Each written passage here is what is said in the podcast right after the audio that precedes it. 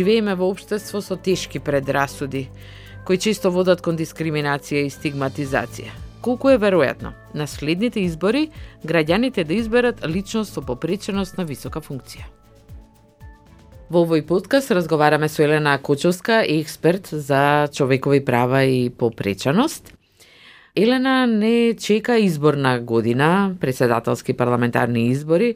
До сега во ниту еден парламент не имало ниту пратерник со попреченост, ниту министер, ниту друг висок функционер. Има ли шанса тоа да се промени? Па прогнозите се дека се многу мали шансите, и покрај тоа што во овие изминати 20 на години доста организациите на лица со попреченост и индивидуалци со попреченост работеа и со самите политички партии, лобира и застапува за измени на а, изборниот законник и а, целокупната правна рамка која што го уредува политичкиот систем кај нас, тоа не вроди никако со плод поединечните, односно политичките партии навидом покажуваат интерес, меѓутоа кога станува збор за вклучување и седнување на лица со попреченост на политичката маса, а, тогаш веќе има поголем отпор. И тоа и самите истражувања во основа го покажуваат и на терен.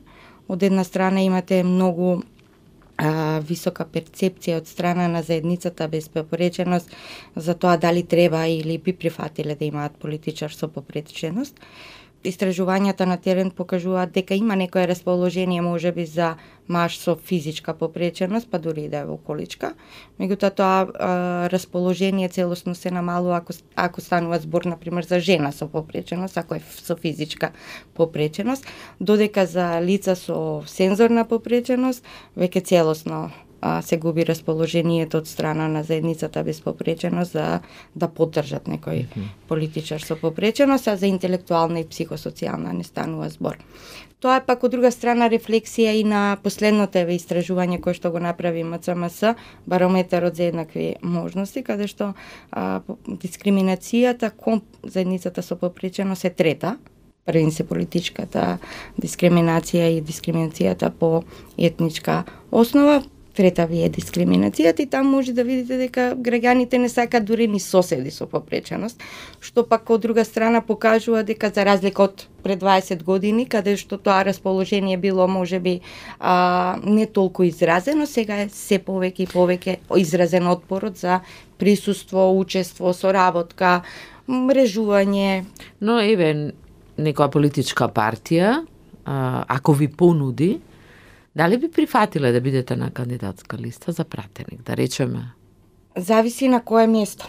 Бидејќи во изминативе а, и, а, години имавме на два пати обиди, каде што лица со попреченост беа како кандидати на, на листите, но секогаш тоа беа 19-20 место, значи недобитно место да поентата, добијат гласови. Да добијат гласови, меѓутоа на крај на крајот излегува дека ти од старт е направена калкулацијата тие да бидат недобитни.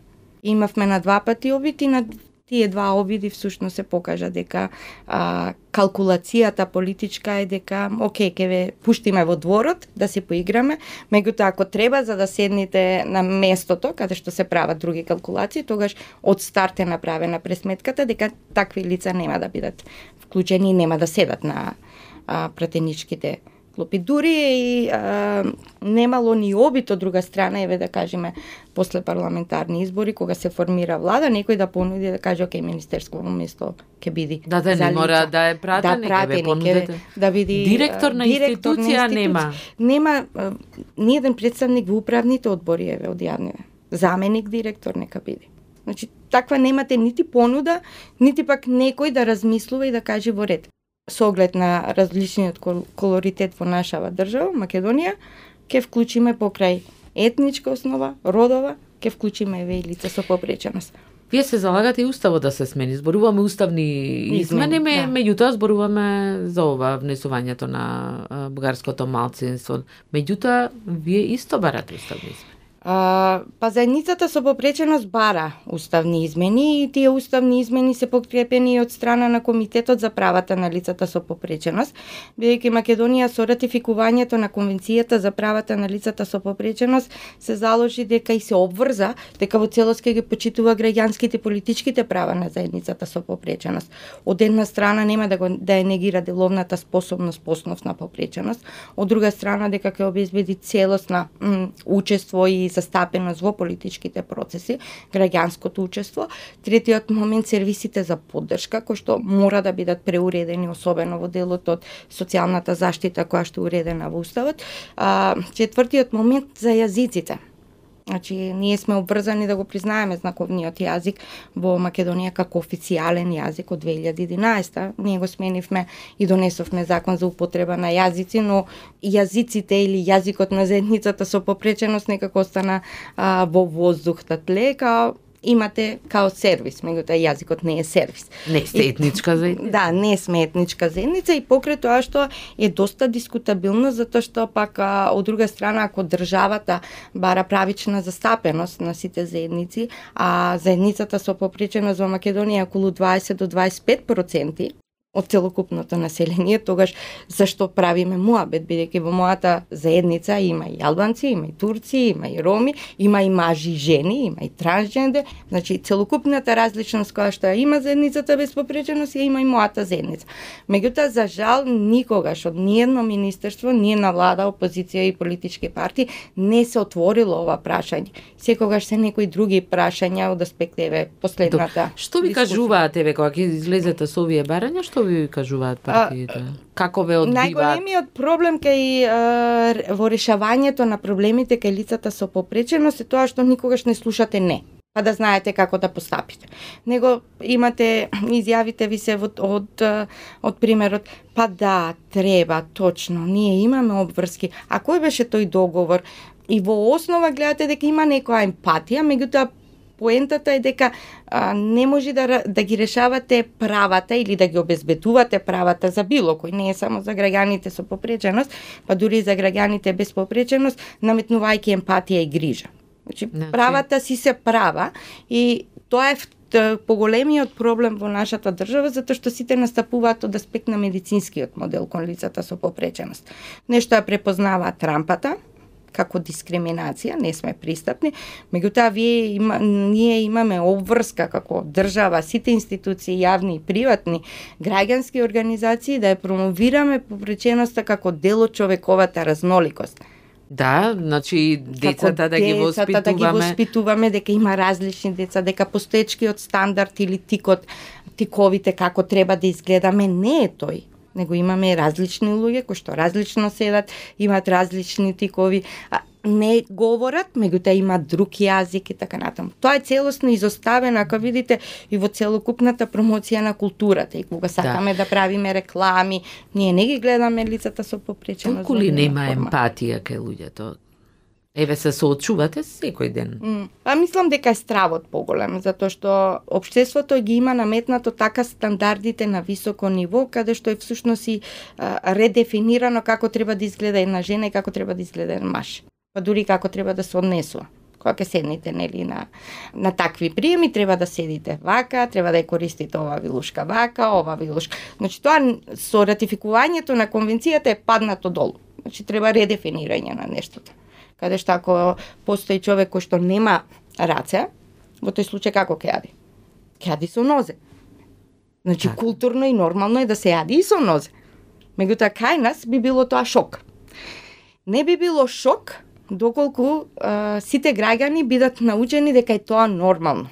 Меѓутоа, ние имаме сите пред нашето огледало слика дека ние треба да, из... кога ќе излеземе од нашиот дом, да бидеме стокмени онака како што бара општеството, а не онака како што сме и ние се прилагодуваме на тие стандарди, а обврската е дека обштеството и државата треба да го направи системот толку флексибилен да без разлика како ќе изгледа утре човекот, функционира да човекот ги оствари своите права. Резултатот е изолација. Ке прочитам една mm. изјава од актерот Никола Пројчевски. Тие направија представа во Битола со и актери а, и луѓе со попреченост. Вели се сеќавате како ви беше вам во ковидот, кога надвор пукаш убаво време, а вие бевте задворени во изолација дома и ви доаѓаше да пукнате од мака што не можете да излезете. Е така име на хендикапираните секој ден. Па точно, тоа е секој ден. Ние живееме во секојдневен притвор. Доброволен наметнат од општеството и од државата. Меѓутоа, ковид беше добра приказна за од друга страна да излези и другата ваша перцепција. Ваша перцепција, мислам, од аспект на заедницата без. Со години наназад, Значи, веќе 20-30 јас сум сведок, јас сум барала и сум посочувала дека, на пример, здравствениот систем воопшто не е функционален. Дека ние немаме систем здравствен. Системот каков што е поставен не обезбедува никаква, нити примарна, секундарна, терцијална здравствена заштита. И сега, кога тоа ние ви го кажувавме пред 20 години, нешто стануваше овие нешто чопајве сакативе, нешто бараат, ама толку е, нема рампа. Меѓутоа ние покажувавме дека има корупција, дека луѓето не можат да обезбедат да остварат примарна здравствена заштита, стоматологија, гинекологија, основна а, преглед не можат да обезбедат, постои а, некомуникација. што никош не можат ни да стигнат, да се качат. Сето тоа, значи. Нели на катот. И тоа да сето беше занемарено, се додека не дојде до ковид, каде што заедницата тогаш без попреченост и сите експерти излегува немаме систем, да сега и, ова, и ова година излезе коруптивниот дел, меѓутоа на тоа ние посочувавме наназад со години. Значи, кога ви кажуваат лица со попреченост и посочуваат дека има проблем во системот или немате систем, тоа се занемарува. Се додека повторно не излези лице без попреченост и ви го каже истото. Што покажува перцепцијата дека како вие, односно заедницата без попреченост и државата гледа кога лице со попреченост даде одредена изјава. Значи, вие не очекувате лицата со попреченост да ви кажат експертска мисла или да ви дадат решение или да ви посочат дека не не функционира. И ковид беше одлична идеја да се покажи баш буквално тоа. Mm -hmm. И покрај тоа што во ковид тогаш се презема одредени мерки, повторно лицата со попреченост и организациите посочува дека мерките се спротивни на обврските од конвенцијата, дека повторно одредени луѓе не можат никаква да обезбедат заштита дури во услови на ковид, повторно тоа се замре и покрај тоа што беше очигледно и се прави анализи каде што се покажа дека ние повторно бевме трикратно повеќе изолирани и во таква ситуација. Елена, вие сте активист, експерт за човекови права. Како дневно се борите? Упорна сте, не се не се откажувате. Како секој ден се спротиставувате со истите тие луѓе што дискриминира, што никада ве слуша? Па зависи како ги поставите работите, меѓутоа е тешко во во Македонија, меѓутоа и во светот генерално мора да признаеме дека таа перцепција е премногу а, наметната од страна на граѓаните без попреченост во Македонија, повторно ќе кажам во светот, за тоа како треба да се гледа едно лице со попреченост. Меѓутоа, за да успеете во таа борба, мора да бидете добри вешти и во планирање, менаџирање, но и да знаете како нивните зборови да ги преуредите на начин за да а, бидат прифатливи за нив и на некој начин да бидат да бидете некогаш и дрски. Меѓутоа да биде пак од друга страна прифатливо заради тоа што пак повторно ја користите на перцепција како ворете лицево е со хендикеп може да биде дрско малку. не знам збор. Меѓутоа е тешко да се живе сепак со э, со одредена попреченост во Македонија и во светот, бидејќи во мојата заедница е толку многу калоритна, а не само од аспект на род, возраст, а, туку и од аспект на состојби, различни состојби на попреченост, а, и во зависност од степенот на поддршка кој што ви треба во текот на денот, толку е поголема изолацијата и сегрегацијата. И Сегрегација најчесто... имаме во училиштата, што, на пример, е нај... најстрашно, може би, уште од малечки се соочуваат со неправда, дискриминација, па и нетрпеливост и лошотија. Ама тоа е повторно стекната, како кажам, навика. Затоа што вие ако го учите детето дека треба да биде сегрегирано и изолирано и дека не треба да комуницира, па дури да кажи не, тој случај станува дел од практиката дека вие сте инвалидно лице, вашата улога е околу вас да се грижи, мама, тато, нема кој друг. Не може да одите надвор, што или не е пристапно, или ке ве смејуваат, а за да ве заштитат најчесто родителите, сами ве изолираат и ке го кажат оние убави термини, нели, специјално, специфично, посебни, атипично и така натаму, да, и за да но- може да го а, изолира детето, што е најголемата грешка. Но од друга страна тоа повторно нашите родители го прават заради притисокот од општеството и наметнатите стандарди како треба децата да изгледаат. И стигмата, што мора да се носи. Традицијата, вредностите, културните обичаи, сето тоа се всушност дискриминаторски елементи кои што само се наметнати, а ние си ги практикуваме, а ние не може да ги следиме. Образованието, за жал, е еден од најголемите проблеми во нашата држава. Ние често зборуваме без образование и лице без попречено станува инвалидно лице, затоа што не може да функционира и верувале или не и последните податоци еве од статистика ако ги извадите последниот попис ние во Македонија имаме многу неписмени луѓе. Да. А таа неписменост кај мојата заедница е три пати поголема. Бидејќи не може да стигна до образовните. Можат да стигнат, меѓутоа никој не сака да да си ја преземи обврската. Образовните институции се непристапни. Во истите тие го, го сваруваме и правото на глас. Во образовните институции се гради човекот, се учи да се бори со сите предизвици во животот. А наместо во образование ние имаме дневни центри каде што државата е на Да, почнавме со изборите, Да. со тоа ќе се случите и на овие избори. Но има и луѓе кои се залагаат исто се, се за вашите права. Се среќавате и со луѓе кои се којдневно се однесуваат со вас како со сите останати. Кажете ни и добра приказна. Не, Има не добра може приказна, се да е лошо. Проблемот е лошото е во системот. Затоа што луѓето кога ќе им ја посочите како треба да ги гледаат нештото, тие ги разбираат. Меѓутоа тие се премногу слаби во системот за да направат промена. И јас сум сретнала луѓе кои што целосно размислувале медицински, но со нашата заедничка дружба сега се тие истите кои што викаат е знаеш ова и ова го приметив, ова и ова, нели ова вака и така. И тоа е прекрасно нешто, каде што се менува нештото, па тие го пренесуваат на своите деца. Меѓутоа тоа е работа на системот кој што треба да го прави. Затоа што луѓето се безпомоќни, немаат мојк за да го сменат системот. Затоа што системот ги има толку високо поставено тие стандарди да ако излезе малку од комоција тој систем, тогаш центрите на мојк не се комотни. Затоа што промовирањето на прашањето на попреченост како дел од човековата разноликост. Барањето да се признае идентитетот и културата јазиците на лица со попреченост.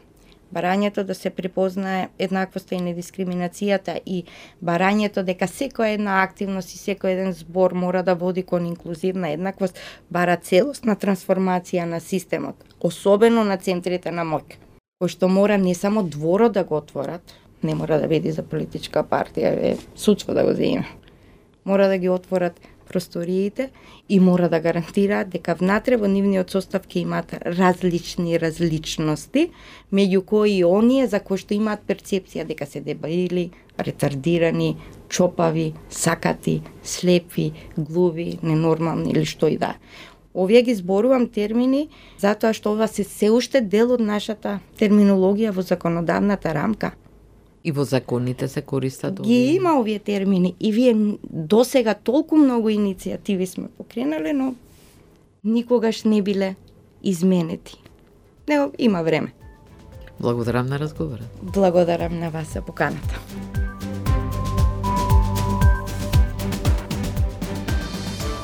Слушајте не, следете го подкастот Зошто на Слободна Европа и на Spotify, YouTube, Apple и Google Podcast. Само кликнете на Зошто, а на нашите социјални мрежи давајте ни идеи и теми кои сакате да ги слушате.